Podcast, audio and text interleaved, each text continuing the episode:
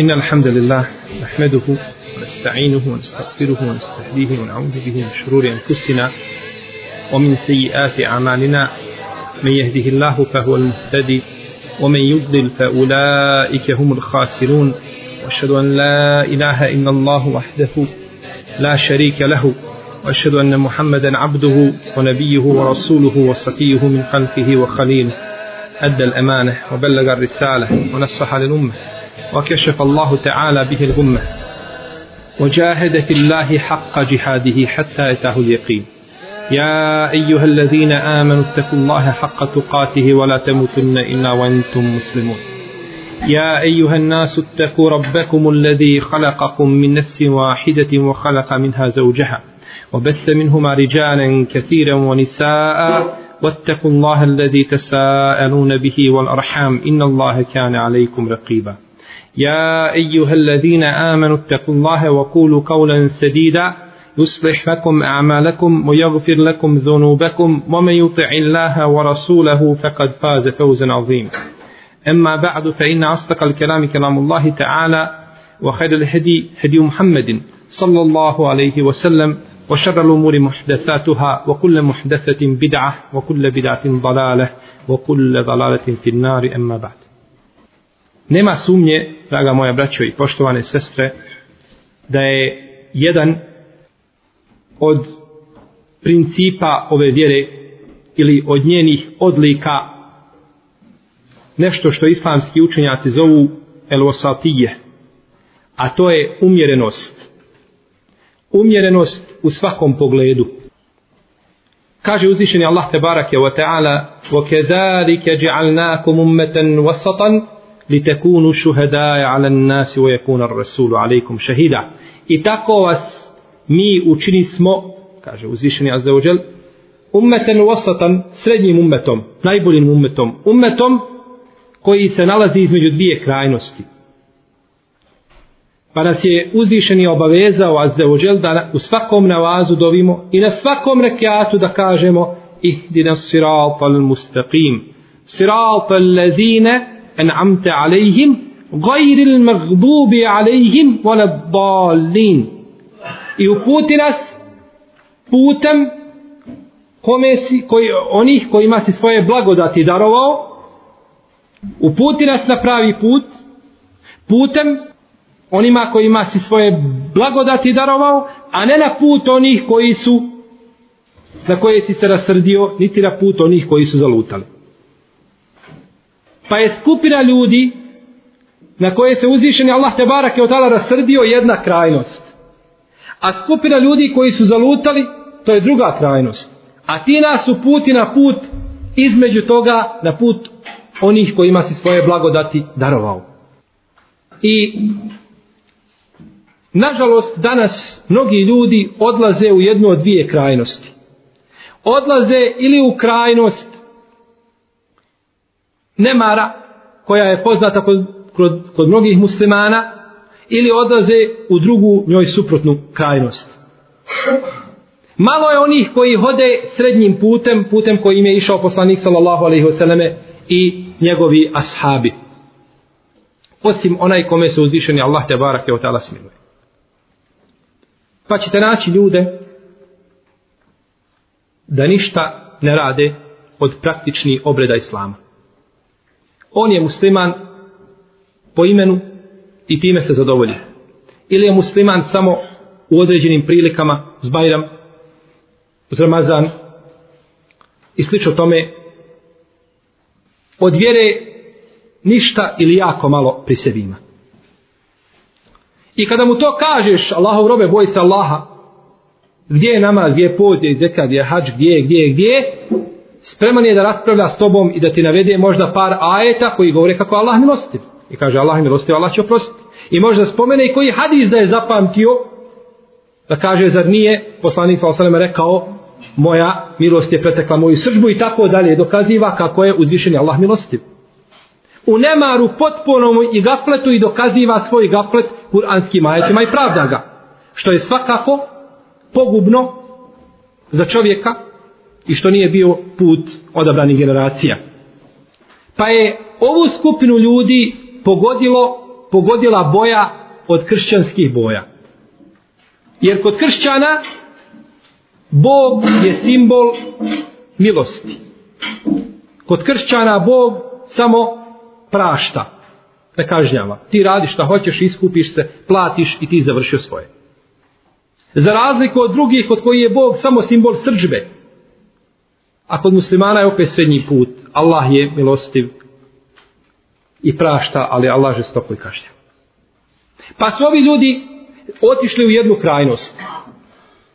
Samo se nadaju, žive u dugim nadama koje nikada neće prestati. Došlo je u hadisu koga bilježi imam Tabarani od Sa'ide ibn Musaiba da je poslanik sallallahu alaihi wasallam rekao Međtema el والرجاء في قلب مؤمن إلا أعطاه الله عز وجل الرجاء wa الخوف. Neće se spojiti strah i nada u srcu mu'mina, a da mu Allah neće dati ono čemu se nada i da ga neće sačuvati strah. Od koga je strahovao? Od džehennema. Ovaj hadis, iako je došao putem Sejde Imun Musajiba od poslanika s.a.v.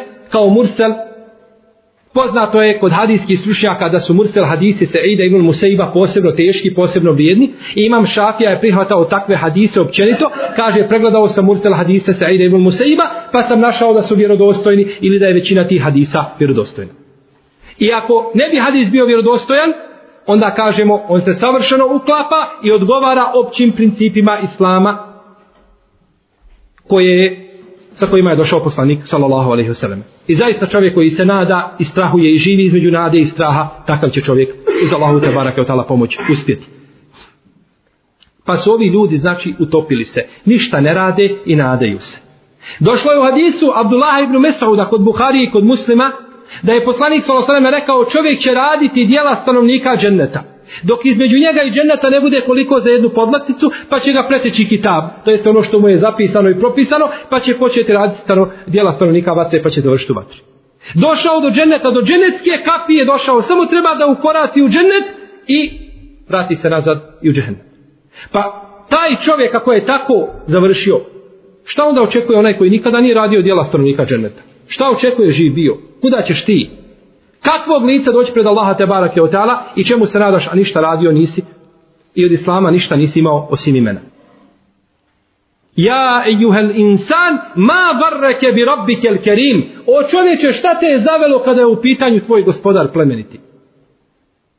Pa od milosti Allaha Đelšanu što nam je spomenuo ajet i postavio nam pitanje i uz tom ajetu nam dao odgovor. O čovječe šta te je zavelo kada je u pitanju tvoj gospodar plemeniti? Pa ćeš odmah kazati, pa plemenitost tvoje gospodar moj. To me je zavelo. Postavio nam Allah pitanje, od nam dao u istom pitanju, nam dao u istom ajtu, nam dao odgovor.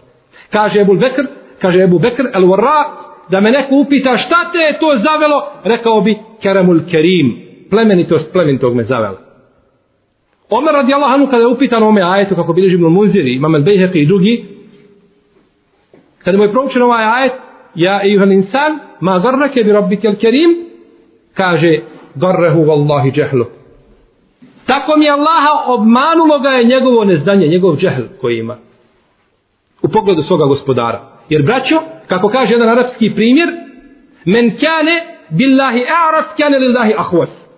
Ko Allaha najbolje poznaje, on ga se najviše boji. Pa zar nije uzvišen Allah te barak dala u Kur'anu rekao, inama jakša Allahi min ibadihi ulema. Allaha se boje od njegovih robova ko? Učeni, zato što ga najbolje poznaju, znaju njegove granice, znaju kako nagrađuje, kako kažnjava, znaju čime je gospodar zadovoljen, a znaju šta gospodara te barak od srdi. No međutim, stvarnost je drugačija, ljudi se razlikuju. Baš nako, braćo, kako nam je opisao poslanik sa osaname u hadisu, koga bilježi imam Tirmizi, i koga bilježi Ebu Davud, i koga bilježi imam Ahmed, i drugi, za koga kaže imam Tirmizi ibn Hibban, i šeha Albani da je vjerodostojen, od Ebu Musa Lešari, o kome poslanik s.a.v. kaže Inna Allahe khalaqa Ademe min džemi'i al-ard. Kabadaha qabdatan min džemi'i al-ard. Fe džaje benu Adem ala qadri al-ard. Allah je stvorio Adema od svih vrsta zemlje kakvih ima. Uzeo, tebarak je o u pregršti zemlje i stvorio ga od svih vrsta zemlje. Pa je došao čovjek shodno toj zemlji. Feminhumul فَمِنْهُمُ الْأَبْيَدُ وَالْأَسْوَدُ وَالْأَحْمَرُ obejne zalik. Pa ima i crni, i crvenih, i bijelih između toga. Wa minhumu sehlu السَّهْلُ hazanu Ima lahkih ljudi, jednostavni po prirodi, ima teških ljudi. Ne može sa njim ništa raditi. U, u, u tajibu وَالْطَيِّبُ وَالْقَبِيثُ وَبَيْنَ ذَلِكَ Ima dobrih i loših između toga, svakakvi ljudi ima. Tačno onako kako je uzi, kakve zemlje imate zemlja koja je plodna, daje plodove u svakom periodu Allahovom dozvolom. A imate crne, one žute, a, tvrde zemlje koja ništa ne daje. Niti može kakvu vodu zaustaviti pa da ti sačuva vodu, niti može ono nešto, nešto nići i tako dalje. Takvi su ljudi došli, različiti po svojoj prirodi. A mu'min ne bi smio biti takav. Mu'min bi trebao biti, kako je rekao poslanik s.a.v. u hadisu Al-Baba ibn Starije, koga bilježi imam, uh, bilježe sabirači sunena, ali ovu verziju bilježi ibn, ibn Mađu u svome sunenu sa dobrim lancem pronosilaca, da je poslanik s.a.v. rekao, nakon tog podužeg hadisa koji je vama poznat, držite se moga sunneta i sunneta mojih pravilnih vladara i tako dalje, kaže na kraju, fa innel mu'mine kel džemelil enif hajthuma qiden qad Vjernik je poput deve koja ima halku u svome nosu. Kud god da je povedeš ide. Vi ste vidjeli kako naši ljudi vode krave, eđelekumullah, i druge životinje, jeli, stave im e, halku u nos i kud je god povedeš ide za tobom. Djetetu malom daj, vlada sa tom životinjom. Pokorna životinja. Takav je vjernik. Vjernik je takav, znači pokoran. Šta znači ovo da je takav? Ako ga pozove more, ode na more. Ako ga pozove kino, ode u kino. Nikako. To znači ako ga kud ga šerijat zove i vodi, tako on ide. Pokorava se. Bez imalo razmišljanja. Bez imalo opiranja. Bez imalo dvoumljenja. Slijedi. A zabranama se nikako ne približava. E takav je mu'min. Hajsu ma qiden qad. Kuda god da ga povedeš on ide. Kako ga šerijat vodi, tako ide. Takav bi čovjek trebao biti. No međutim ljudi nisu takvi.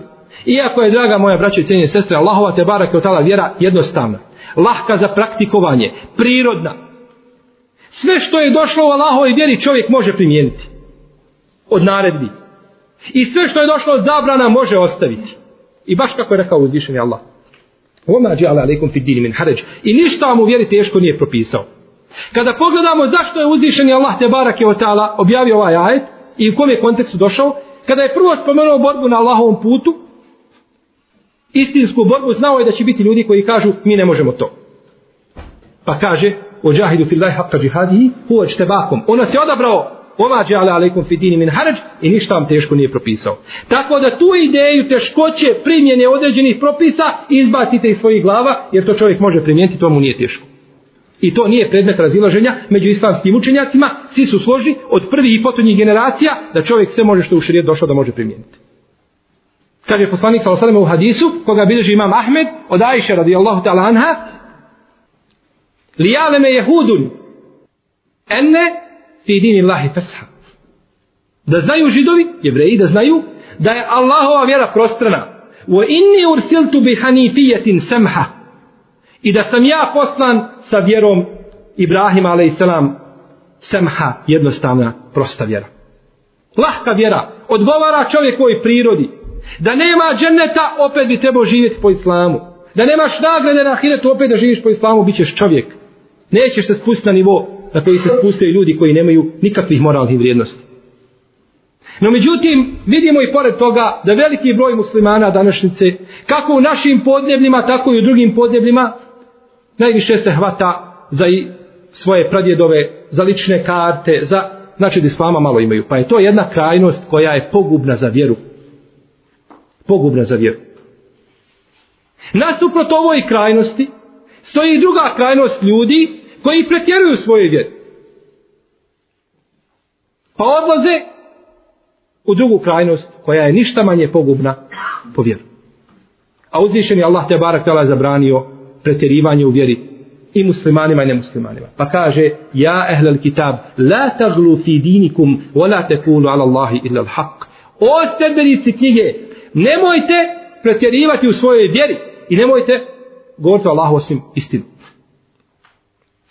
I Resul Islama, sallallahu alaihi wasallame, najžešće osudio pretjerivanje u vjeri.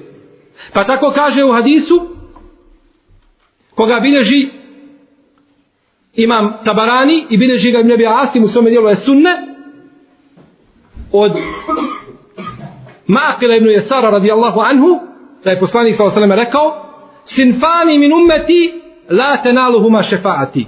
Dvije skupine ljudi iz moga ummeta neće zaslužiti moj šefat. Dvije skupine ljudi. Koje su to dvije skupine ljudi? Sultanun valumun gašum. Sultan vladar pr... ha? koji je valum koji je nepravedan gašum tiranin. Neće zaslužiti šefat. U ogalin fi din i čovjek koji pretjeruje u svojoj vjeri. I čovjek koji pretjeruje u svojoj vjeri u isti propis ulazi. Neće zaslužiti Allahu milo. E, Allah e, šefat poslanika sa osvijem koja je jedno najveći blagodati ljudi prije ulaska u džennet. I došlo je u hadisu kod Buhari od Ebu Horeire radijallahu anhu da je poslanik sa sellem rekao inne dine yusrun volen yushad dine ahadun illa galam Allahova vjera je jednostavna. I neko neće pretjerati u svojoj vjeri žestok biti volen yushad dine ahadun a da ga vjera neće slomiti pretiraš i vjera te slomi, moraš kleknuti. Ovo su riječi poslanika sa osrme koji ne govori po svojim protivima. Po hiru svome. Došlo je braću u hadisu koga bileži imam hakim za koga kaže imame Semani, imame Nevo ibn Hajar Skalani da je dobar. Od Ebu Saleb el Hušenija radijallahu anhu da je poslanik sa osrme rekao Inna Allahe farada faraid felatu da je uha. Allah je propisao farzove i nemojte se igrati sa njima. Ha, To je jedna krajnost. Ne igraj se sa farzovima živ bio. Uhadde hududen felatate duha i propisao postavio granice i nemojte ih prekoračivati. Uharreme šjaje felata krebuha. i zabranio je neke stvari, nemojte im se približavati. Nije rekao nemojte ih se čini, nemojte ih čini, nemojte im se približavati. Wala takrebu zina, innehu kane fahišetan wasae sebila. Nemojte se približavati zinalu. A približiti se nemoj, jer kad se približiš gotov si. Znači nemoj pogledati, nemoj namignuti, nemoj se rukovati, nemoj upaliti šetana koji se zove čat pa čatati. Nego, wala takrebu, nemoj se približavati ničim, što bi te moglo odvesti dokle, do nemorala. Wala takrebu zina. Uhadde hududen O harreme harrama fela takrebuha i zabranio je stvari nemojte im se približavati. Wa taraka ashya'a min gajri nisjanin fala tabhathu anha. I ostavio je neke stvari ne iz zaborava. Nikako. Wa ma kana rabbuka nasiya i tvoj gospodar ništa ne zaboravlja. I ostavio je neke stvari ne iz zaborava. Nemojte ispitivati o njima. Nemojte živi bili. Nemojte ispitivati ono onome što nije vam govorio vaš gospodar. Nemojte sami sebi vjeru otežavati. Neki dan me nazvala osoba i kaže mi da je čula da nije dozvoljeno na večer jesti jabuku. Pitam zašto? Kaže, jeli, ima ljudi koji kažu kada čovjek pojede na večer jabuku da biva jabuka u stomaku i dolazi do vrenja i tako dalje i onda ujutru čovjek kao da je pio alkohol. Pa ko pojede na večer 3, 4, 5 jabuka, možda ujutro može vrata pogoditi. Jeli, biće pijan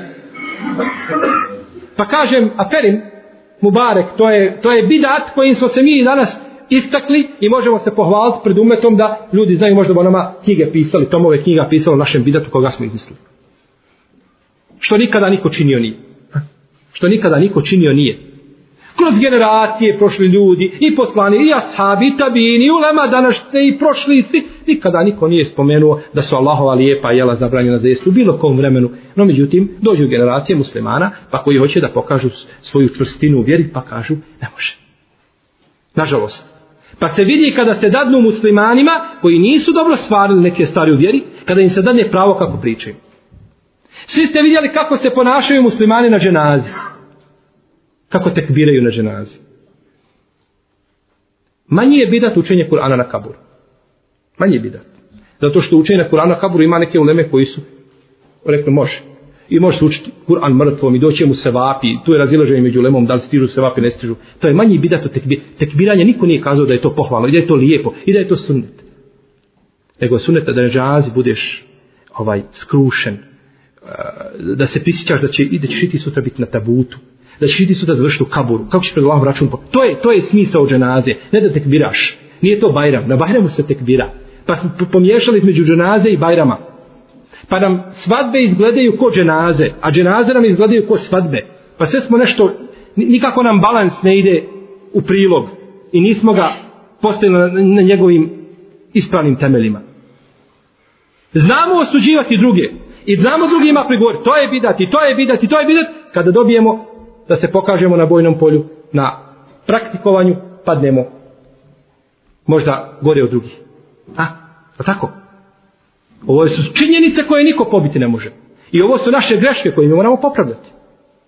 I ne smeta da čovjek kaže, ne treba stid svoje, kaže, jesam pogrešio sam, moram se popraviti, nisam znao, moram biti bolji. Ali onda čovjek treba raditi na vlastitom odgoju više nego da se kači za druge i da gleda kod drugih muhu koja prođe ispred njegovog nosa, a ne vidi iza sebe planinu koja hoće da se strovali do njega. Nemojte ha, o tereke šja, min gajdi nisjanin, fela te bahasu anha. I ostavio neke stvari, nije zaboravio, nemojte ispitivati o njima. Kako kaže poslanik sa osrme u hadisu, i ne azame el muslimine fil muslimine džurmen, ređulun sejale an šein lem juharrem al muslimine, fe hurrime min ežli mesaletih. Najveći zločinac za muslimane je čovjek koji pita o određenoj stvari koja nije zabranjena muslimanima, pa zbog tog ispita, ispitivanja biva zabranjena. Najveći zločinac, tako je, džurmen, je taj čovjek. Ima muslim bilježi u svome sahihu da je poslanik s.a.v. jednog dana sjedio sa ashabima i rekao ja juhen nas inna Allahe farada alaikumul hađe fe huđu o ljudi Allah vam je propisao hađ pa obavljajte hađ pa je ustao jedan ashab koji se zove koji se zove El Akra ibn Habis radijallahu anhu pa je rekao e fi kulli amin ja nebi Allah hoćemo li svake godine obavljati hađ? Pa je poslanik sa ušutao. Pa je to tri puta ponovio Allahu poslanik sa ne odgovara. Pa je rekao zaruni ma terektukum fa innama helake men kare kablekum bi kesreti sualihim u ohtilafihim an enbijaihim leo kultu nam ne ođebet ole me statatum kaže ostavite me tamo gdje sam ostavio gdje sam vas ja ostavio ostavite me Uništeni su ljudi prije vas koji su puno ispitivali i koji su se razilazili sa svojim poslanicima. Da sam rekao da, vi biste morali, a ne biste mogli. Da je rekao poslanik, nam, jeste, svake godine svaki put kad dođe Zulhidžet, morali bi svi muslimani pakovati se i u Meku. Ko bi to mogao izdržati? Kako bi milijarda muslimana i nešto mir, 200 miliona ili 300 koliko već ima, kako bi bili u Meki? Bilo bi i pola i više mrtvi. Ostavite me. Rekao sam hađ, obaviš jedan put hađ, smatra li se da se obavio hađ? Smatra. Ne pita da li je nakon toga živ bio. I dalje kaže poslanik sa osaleme, Iza mertukum bi šein te'tu minhum estatatum wa iza nehejtukum an šein tentehu. Kada vam nešto naredim, učinite od toga koliko možete, a kada vam nešto zabranim, klonite se toga. Tako da je pretjerivanje u vjeri, aga moja braće i poštovane sestre, biva u svemu onome u čemu nije sleđenje suneta poslanika sa ostaleme. I odstupanje od toga suneta. Taman to bilo i nekim stvarima koje su mizerne u našim očima. Možda od od stvari koje su šeklijat ili simbolika.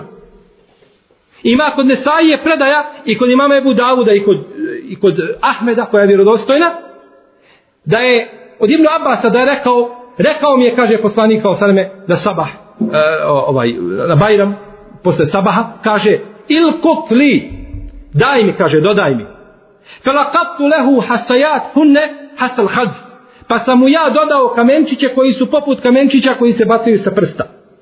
Ovako, had, bacanje, što je zabranjeno u šarijatu, to su prilike kamenčići poput bobe graha ili tu negdje.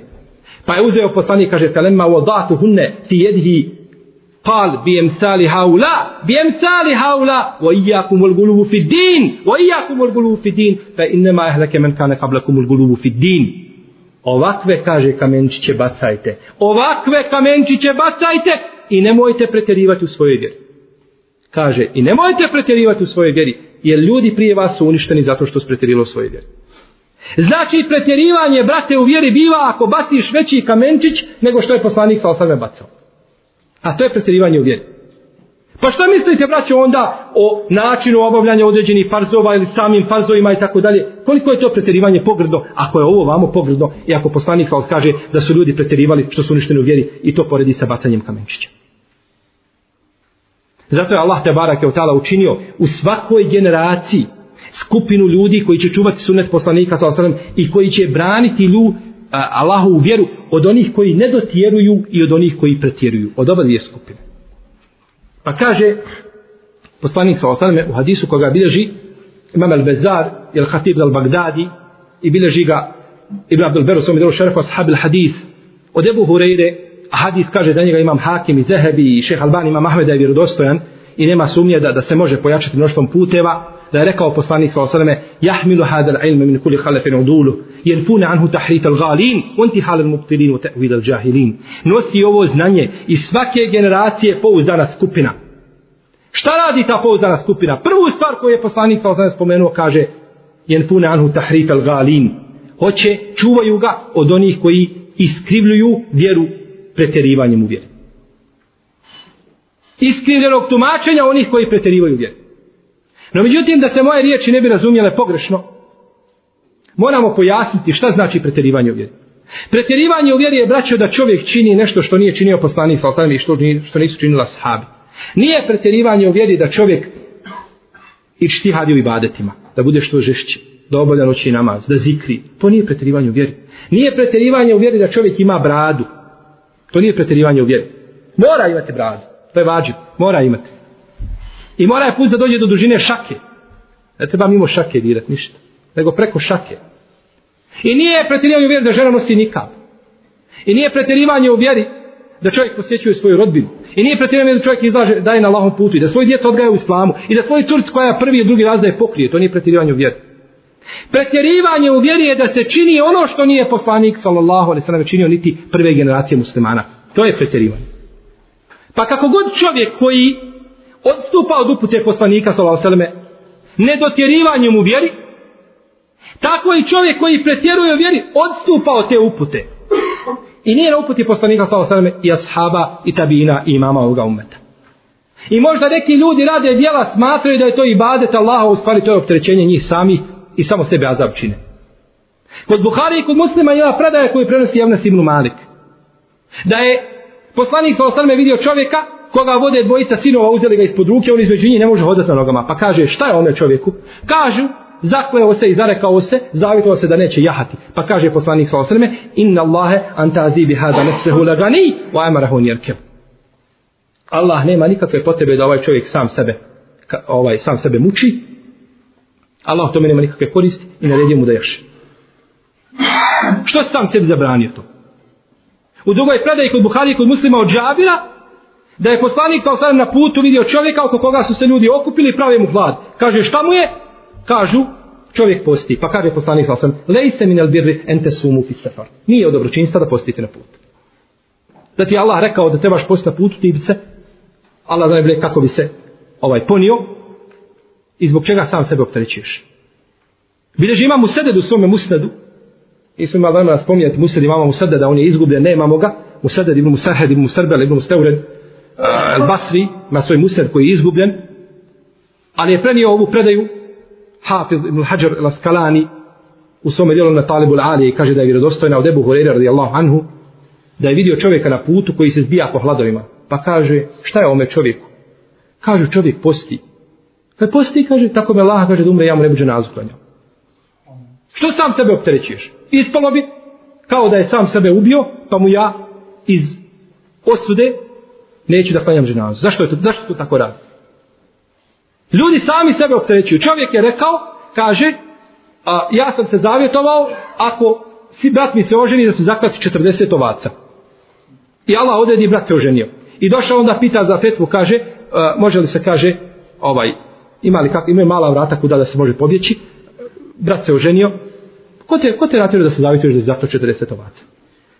Da ti je Allah u Kur'anu propisao da rekao i muslimanu. Kad se brat oženi moraš zaklati 40 ovaca ti bi se hvatao za glavu i hodao po šumama i zikrio i nešto ne bi radio Allah me opteretio na ono ništa ne mogu ispuniti.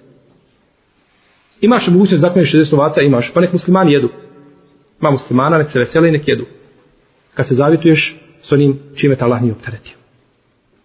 Bileži imam Hakim i Tabarani imam Ahmed da je došao čovjek Ibnu Omeru i kaže mu ja Eba Abdurrahman inni le akva ala sijami fi safar kaže o Eba Abdurrahman obraća se Ibnu Omer Abdullah Ibnu Omer kaže ja mogu postiti na putu imam snage toliko sam jak da mogu postiti na putu Pa mu kaže Abdullah ibn Omar, braćo čovjek koji nežešće sledio sunet poslanika sa osrame. Kako kaže uh, Ibn Hajar i Šehul Islam Ibn Tejmije i drugi. Kaže Aisha u predaj koji bilježi ima Mahmed u svome delu Fadanu Sahabe, koja je vredostojna. Nisam nikada vidjela čovjeka da žešće sledi sunet što je Ibn Omar.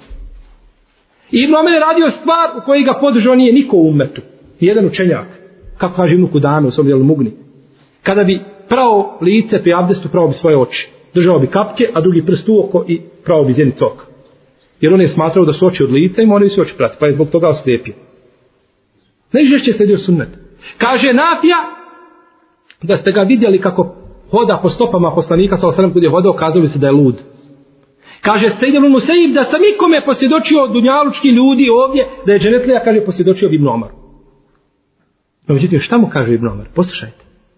Kada je ovaj čovjek upitao, ja mogu postiti na put, kaže, slušaj, ja sam, kaže, čuo poslanika sa osam da je rekao, men lem jakbel ruhsat Allah, kjane alejhi min al ismi, keđibali arafa. Ko ne prihvati Allahovu olakšicu, kaže, on ima grijeha koliko brdo arefat. Ko ne prihvati Allah? Zašto, ži, zašto ži bio sam sebe opterećuješ i zašto pretjeruješ u vjeri, kad ti Allah nije vjeru učinio teškom? Zašto je sam sebi činiš teškom i zašto sam sebe opterećuješ? E, sad možemo shvatiti hadis koga bilježi Tabarani i Ahmed koji je vjerodostojan, pa dobar lanac prenosilaca, od Ebu Musa Lešari o kome poslanik sa osvijem kaže, ko bude postio stalno, neprekidno, on je kaže ovako u džehennemskim okojima, pa je stisnuo svoj pesnicu. Zašto? Zato što sam sebe opterećuješ, svaki dan postiš. Pa poslanik je rekao sa osvijem da nema boljeg posta od posta Davuda, dan postiš, dan ne postiš. I ti kažeš, ne, ja hoću više. Pa si u džehennemskim okovima. Zašto? Činiš ono što nije činio poslanik sallallahu alejhi niti prve generacije, pa ne možeš izaći na hajr, mora to otići u šer i mora to otići u zlo. Abdullah ibn Amr ibn As je bio čovjek koji je bio poznat po ibadetu. Ispominjali smo ga. Zašto je najmanje hadisa prenio do ne deveterce? Pa bi stalno ibadetio. Pa ga je oženio njegov babo Amr, radi Allah anhuma. I sreo jednoga jednog dana svoj snahu kaže, kakav je moj sin? Kaže, dobar je tvoj sin rob svome gospodaru. A kaže, što se mene tiče, kaže, mene još nije dotakao. Oženio se čovjek, došla mu kući žena, nije dotakao, pa je otišao u poslaniku, sa je poželio se, pa kaže, pozovi mi ga, pa je rekao, tvoje tijelo ima svoje pravo, što se nastupu i badetu? Tvoja žena kod tebe ima svoje pravo, ima, sve ima svoje pravo, daj, kaže, svakome njegovo pravo koje mu pripada. Kaže Allah poslaniče, ja mogu to posti tri dana, kaže, u svakom mjesecu. Tri nulana, bijela dana, dovoljno. Kaže, ja mogu više posti tri dana, post, pa kaže, na kraju post, post, da udali s vam, dan post, dan post.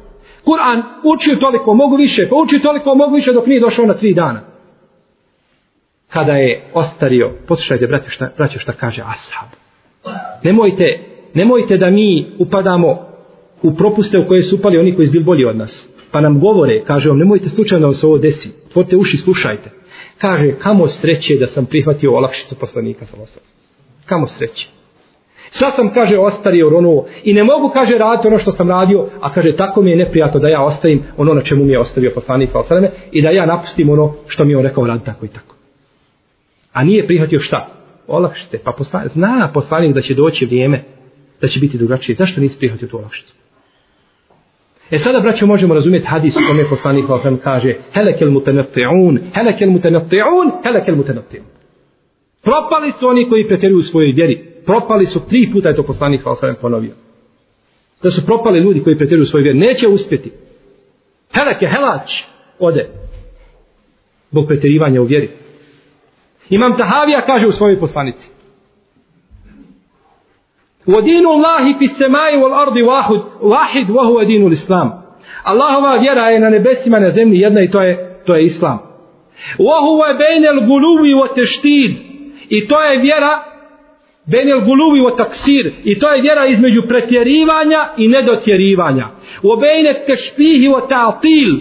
I između utjelovljenja Allaha Đelešanu kada su pitanje njegovi, njegova svojstva i između negiranja potpunog njegovih svojstava u obejnel džebri ul kader između džebrija i kadera između džebrija koji kažu da je, Allah, da je čovjek prisilen šta god uradi da je bio prisilen na to i kaderija koji kažu Allah ništa nije odredio nema kadera u obejne el emeli ul jesi između nade i očaja između straha i nade. Subhanallah, kako je pisao? Između pretjerivanja i nedotjerivanja između utjelovljavanja i negiranja svojstava. A Ehlu Sunnet kaže Allah ima svojstva kakva priliče njemu. Ima ruku kako priliče njemu Azeođel. Ima lice kako ima stopalo kako priliče njemu i tako dalje sa drugim svojstvima. I između kaderija i džebrija koji negiraju kader i koji kažu čovjek je prisilen. Ehlu Sunnet kaže sve od kadera. Pa čovjek kada počini kufur i kada popije alkohol i kada skoči sa desetog sprata, to kažemo da je od kadera, sve od kadera. A je li bio prisilen? Nije bio pristran. Pa ne idu ni jednu ni u drugu šta? Krajnost. I između nade i očaja, između straha i nade. Ni tamo ni imamo, nego budi uvijek na srednjem putu živio. I stoga šekoli sva minuta im je kaže o nehašariju anil guluvi o teštir nehjen amen firijati kadar o amal. Zakonodavac je zabranio pretjerivanje vjeri u vjeri općenitom zabranom kako u akaidu, tako i u propisima. I kaže Ibn Hajar al-Skalani u svom dijelu Fethul Bari وَلَا يَتَعَمَّكُ أَحَدٌ فِي الْأَعْمَالِ الدِّينِيَّ وَيَتْرُكُ الرِّفْقِ إِلَا عَجَزَ وَانْقَطَى فَيُغْلَبْ Kaže nikada čovjek neće pretjerivati u svojoj vjeri, a da ostavi blagost i nježnost, da koristi olakšice i tako dalje, a da neće malaksati i prekinuti s činjenjem tih dijela i na kraju će biti pobjeđen. I na kraju će biti pobjeđen. Kaže Abdullah ibn Mas'ud u predaji koji bliži Darim i drugi nisam vidio nikoga da je žešći prema ljudima koji pretjeruju svoje vjeri od poslanika sallallahu alejhi ve sellem i predaje je. Bio je najžešći prema njima. I također je Bekr nakon njega. A kaže, još žešći od njih dvojice je bio Omar. Još žešći je bio Omar Beg, koji je bio pencilin za takve koji je liječio. Poslanik, braćo, nama govori o ljudima koji pretjeruju vjeri i daje nam jednu sliku nakon koje čovjek tjera sve šubhe od njega i govorimo kako se ti ljudi ponašaju i kakva je njihova slika. U hadisu koga bliži Mamel Bejheqi sa lancem za koga šeha Albani kaže da je dobar, kaže ovako poslanik sallallahu alaihi sallam. Inne dine metin fe eugil fihi bi Fe inel munbette la arban qata wala zahran abqa. Kaže Allahova vjera je solidna, čvrsta, sama po sebi, jaka. Nije jednostavna, braćo. Što je došlo, što je šejh Albani govorio pred kraj svoga života i moguće da kaže rahmehullah, kaže Allahova vjera je po sebi sama ozbiljna. Nije to jednostavno, to je emanet koji treba ispuniti. Nije lahko ustati ujutru na sabah i otići u džamiju i tako dalje. Svi propisi zahtjevaju ulaganje truda. Pa nemojte, kaže, kod ljudi spojiti te gobu, te vjere koja samo po sebi ima tu te gobu koju čovjek mora podnijeti i kaže ružan ili neadekvatan metod pri primjeni te vjere. Onda ćete ljude samo otjerati od Allahove vjere. Kaže ovdje za čovjeka koji pretjeruje u vjeri. Kaže Allahove vjera je čvrsta, solidna. Kaže te eugil fihi birifk. Uđi u tu vjeru polako. Koliko je ljudi ušlo preko noći u vjeru i sutradan ga vidiš kako ušao, tako ideš. Ali kad čovjek uloži, ulazi čvrsto, sa ubjeđenjem, stepen po stepen, korak po korak, takva vjera ostaje, sa ubjeđenjem. Kaže, fe eugul fihi berif, fa inel munbete, munbete je čovjek sileđija, niti je, kaže, zemlju prevalio, niti je leđa u životu ostavio. Šta znači ovaj hadis? Znači ovako. El munbet je čovjek koji dođe i vidi ljude ispred sebe, da su odmakli, da jahalicama svojim daleko, I on uzješe jahalicu i počne udarati da istigne. I udara je, udara je dok je ne ubije. I onda ona padne na zemlju i on siđe i gleda u nju. Pa niti je zemlju prevalio, ha, nije stigao svoje prijatelje, niti je jahalicu u životu, niti je leđa na kojima jahaju jahalicu, niti je u životu ostavio. Niti sebi, niti jahalicu, niti kome koristi. Udarao, udarao, tako i ljudi koji uđu u vjeru, zakasne malo pa vidje druge koji su odmakli, pa onda sili i sili i onda se sam slomi i na kraju toga Allah zanimljiv gdje završi. E tako nam poslanik daje sliku ljudi koji pretjeruju svoju vjeru. I mi smo danas, draga moja braćo, iskušani raznim videojima pretjerivanja u vjeri. Pogledajte u muslimane, kako u islamskom svijetu, tako u našim podeljima. Muslimani pretjeruju na razne načine. Pretjeruju u ovome ili onome pogledu shodno podeblju gdje žive i shodno prirodi ljudi i tako dalje. Jedan od problema kojim su danas iskušani i kojim ljudi pretjeruju u vjeri jeste pitanje tekfira. Pitanje tekfira. Pa ćete naći ljude kako tekfire, pa i društva cijela. I društva cijela, Allah kaže za to podemlje, to su osnovu da sto, iako su to muslimani koji se deklarišu, imaju po sebi mnogi stvari od islama i tako dalje, ovaj, kažu to su nevjernička duša, to su nemuslimani. A posebno im poslasticu pri, ovaj, predstavljaju imami po džamijama. I to mi liči na hadis koga danas spomenuo eh, profesor eh, Šej Samir, kada je poslanik hvala rekao u hadisu kod muslima koga bilježe Ebu, eh, od Ebu Hrejde i bilježe Ebu Dawud i drugi da je poslanik hvala rekao i da sam jetom u ređule je kul heleke nasu fehu ehleku. Kada čujete čovjeka da kaže propali su ljudi, znajte da onaj propali. I tako je ispalo danas, znači da se govori i bruji se samo tim pitanjima i o tim temama. I gdje god u halke to su stvari o kojima se raspravlja i to stvari zbog kojih se kidaju bratske veze i to su stvari kao da je to jedini problem muslimana koji danas imaju i ako to riješe ako budu znali ko je kakav znači da su riješili problem i nakon toga osjeti. pa dobro šta kada ih selektiramo? Kažemo ovo su nevjernicu ovo su muslimani ovo svaki šta nakon toga? Opet ti moraš pozivati opet ti moraš govoriti opet ga moraš pozivati u namaz opet ga moraš pozivati u islam opet ga moraš pozivati znači pa mjesto da se raspravljamo o čovjeku da li je čovjek koji ostavi namaz musliman ili nemusliman, hajmo da raspravljamo i da vidimo da napravimo šeme i, i načine kako da čovjek oglasio namaz da ga pozovemo u islam. Jer to nije preče. Jer ta naša obaveza ne spada, protektirli ga ili ga ne protektirli, ta naša obaveza ne spada, ostaje da ga pozivamo u islam. Pa danas ljudi pričaju i govore da mu kažeš imame tekfire, da mu kažeš, gdje mi spomeni živ bio dva hadisa koji govori o imametu. Da ga okreneš na opačke i da ga treseš pola sahata, ne može iz njega jedan hadis ispati, ispasti koji govori o imametu. Wallahi, dođe čovjek u džamiju i priča o propisu otkidanja ruke u šerijatskoj državi. A harpa jednog arapskog jezika ne zna.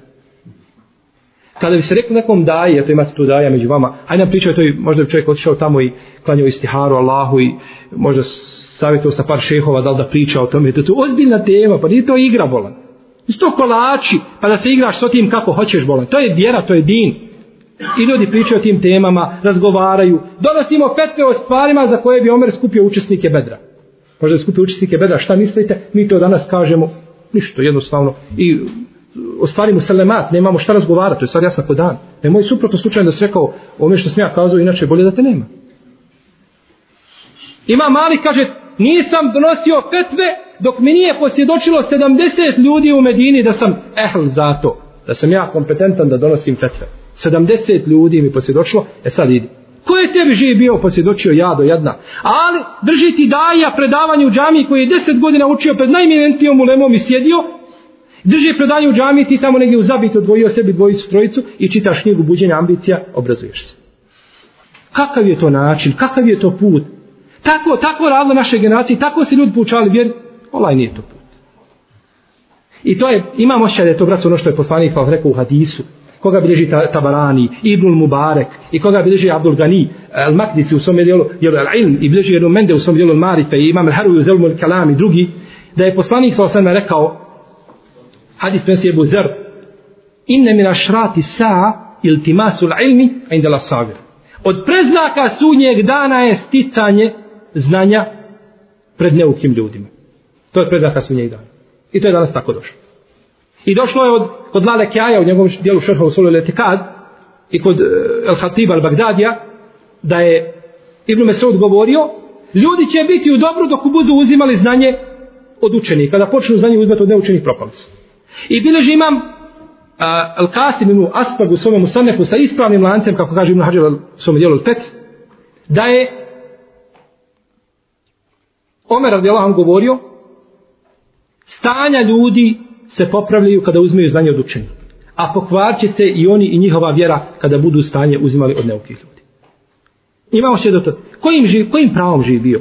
Pričaš o pitanjima ummeta. Pitanja koja su od vitalnog značaja Možda za koja bi se sakupio neki kolegi fikha islamskog da odluči može li ne može, treba ili ne treba, smije ili ne smije. Danas tu donose fetve po tome pitanju bez imalo znanja. Pa čovječe, bit ćeš pitan, vallahi, braćo, čovjek za svaku riječ biti pitan. Jesmo li svjesni toga? Vala, ja sam večeras ovdje pričao. Ja ne sunjam tako mi Allah ni zrna gorošce da će malo na sudnjem danu za svaku riješ pit koju sam kazao. I reći mi što si govorio to, a što niste, zašto si rekao to, a nisi imao za to validan argument. Zašto si pričao o tome, jesi li validna osoba, jesi li kompetentna da govoriš o takvim temama. I kaže Ibnul Kajim da će Hatib na sudnjem danu doći i da će mu se sve hudbe listati i da će Allah zaustiti po svake riječi. Zašto si je kazao? I ljudi danas dođu i priču i nikad kraja pri... Pa čekajte, živi bili. Ljudi, sačekajmo. Stanimo malo, smirimo se. Zar, zar na takav način ćemo popraviti situaciju? Huškanjem i problemima koje pravimo nećemo, vallaj. Osnova je da budemo jedinstveni, da budemo e, jedno tijelo, da radimo zajednički, da ujedinimo naše snage. Vidimo da se okupili žuti, crni, istok i zapad protiv nas. I još mi onda uporno radimo sami protiv sebe. Vala i neće nas to ni dokle dovesti. To svakome odgovara mimo muslimana. To svakome odgovara mimo muslimana, to razjedinjavanje. Zašto tako postupamo? Zašto naši danas postupci kao da hoćemo da oponašamo ljude za koje je poslanik sam rekao Hude saule snan sufeha ul ahram. Mladići ljudi ideja. Mladići ljudi ideja. Kod Buhari i kod muslima. Kada govori o zalutalim sektama, kaže bit će mladić koji imaju lude ideje. Tako i danas kod nas. Prvo, šta? Protektiriš ljude. Kažeš, ovo je nevjerička sredina. Pa protektiriš imame po džamijama. Kažeš, to su kjatri, za njih se ne može klanjati. Šta ćemo? Moramo otvarati naše džamije. Pa otvorimo naše džamije. Imamo svoje džamije. Ali opet u džamijama nemaš nikoga. U džamijama imaš koga? Imaš zidove, a zidovi ne pričaju i ne odgajaju. Zidovi neće da progovore. Nemaš nikoga da ti priča da te odgaja. I nakon toga kad si takvu džamiju otvorio, klanjaš mjesec, dva, tri, pet, u njoj vidiš ništa nisi novo napravio. nikuda nisi pobjegao. Ko noj kada za, za, za, za, zabode glavu u zemlju, ka, u pjesak kada vidi kakva opasnost. Nisi, nisi spasio. I nakon toga šta ćemo? E kaže, hajmo sada, hajmo sada u planine. Hajmo sada uzeti sarava oružja, arsenal na leđe, hajmo u planine, hajmo se boriti Allahom put. E to nam se dešava. Zbog pretjerivanja u vjeri i zbog neslušanja učenih koji su na terenu. I zbog neslušanja uleme. E to nam se dešava. I onda nakon toga trpimo svi to i posljedice takvih postupaka svi mi trpimo i trpi braća ova dava i trpit će i vidjet ćete neki se kaju možda sada, neki se nekaju, ali pokaje će se uskoro ako se tako nastavi. Ljudi ušli u islam. Ušli u islam i vidjeli da su prije njih bili generacije koji su bili u džihadu, borili su imali nagradu. I onda on vidio šta je propustio. I onda u njemu sve gori, hoće da stigne nagradu tih ljudi. Za vrijeme e, rata u BiH, kad je bila agresija Četnika i Ustaša, njega je bilo od, od e, Istambula do Osla, od, od e, Madrida do Varšave, do ne znam nija, svugdje ga je bilo. Ali ga nije bilo u granicama BiH, tu nije se našao, igrom slučaja. I sad kada se je završio rat, sada kaže, moram stići to.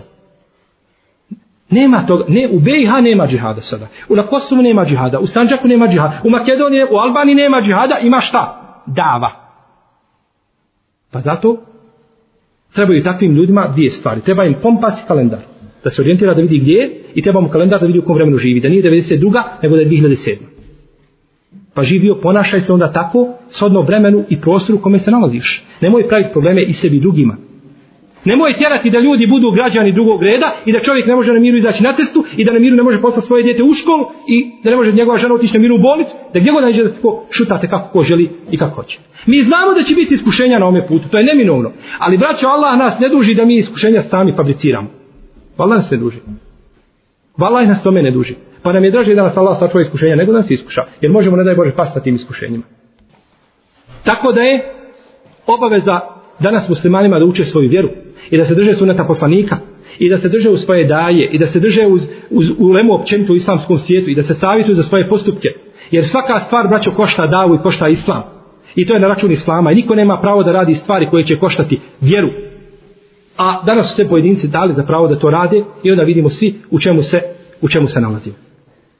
Moramo vraćati razmišljati našim postupcima, moramo se, moramo znati naša prava jednih prema drugima, naša prava, prava prema tome džahilskom narodu sa kojim živimo, da im moramo govoriti, da im moramo pozivati, da im moramo ukazivati. I onda se zabaviti s tim. I valaj da se zabavimo samo kako da otvorimo sebi islamsku školu, kako da uradimo mnoge druge projekte davetske koji su nam nužni da je uradimo, obijelili bi i ne bi imali vremena da razmišljamo drugima, nego radili bi mi na, na znači poboljšanje našeg stanja. Molim Allaha te barak da ujedini muslimane i muslimanski umet, da popravi stanja među njima i da učini naša djela boljim nego što jesu i da nas spoji u ženevskim prostranstvima sa našim poslanikom sallallahu sallam iskrenim dobrim i šehidima a dijeli su oni društvo. Allahu te ala alim wa nagradi na lijepom slušanju. Wa sallallahu ala nebina Muhammed wa ala